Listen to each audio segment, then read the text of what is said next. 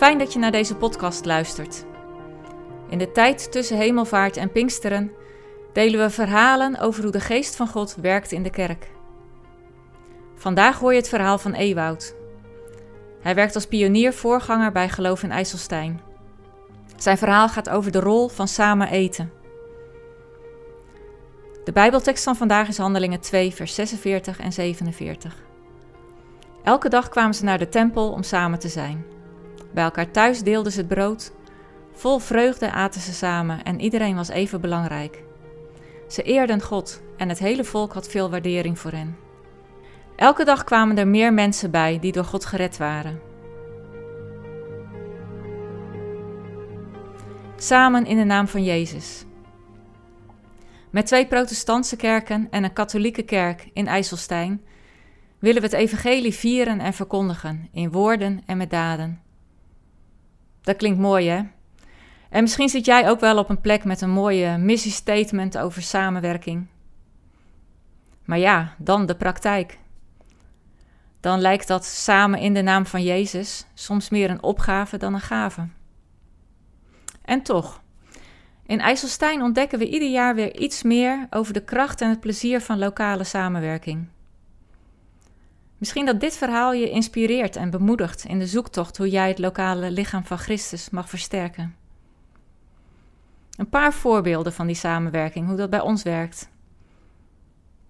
Op het IJsselfestijn, een lokaal feest, mochten we met een Johnny Cash Tribute Band een bijdrage leveren aan het programma en konden we zo ook het evangelie delen met onze buurtgenoten.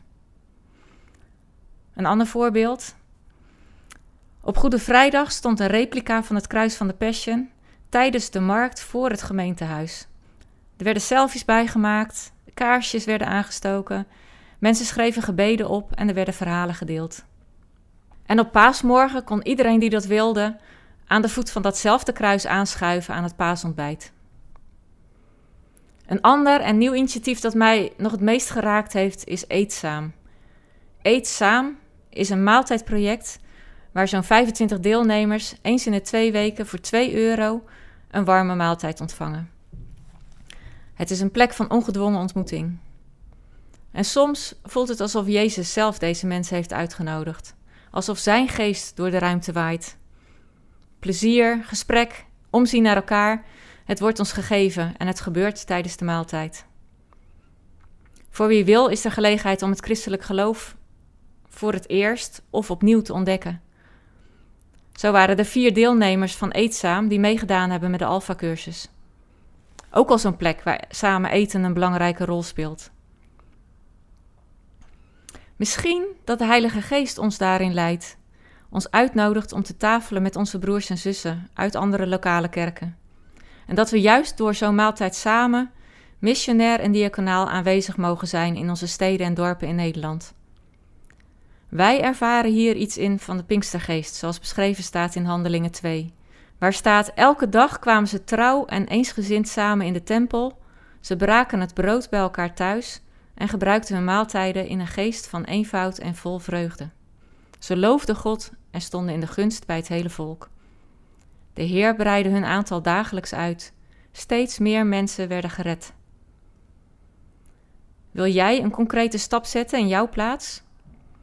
Nodig dan eens iemand van een andere kerk uit om bij je te eten. Of, nog iets groter, organiseer een potluck met een andere kerk.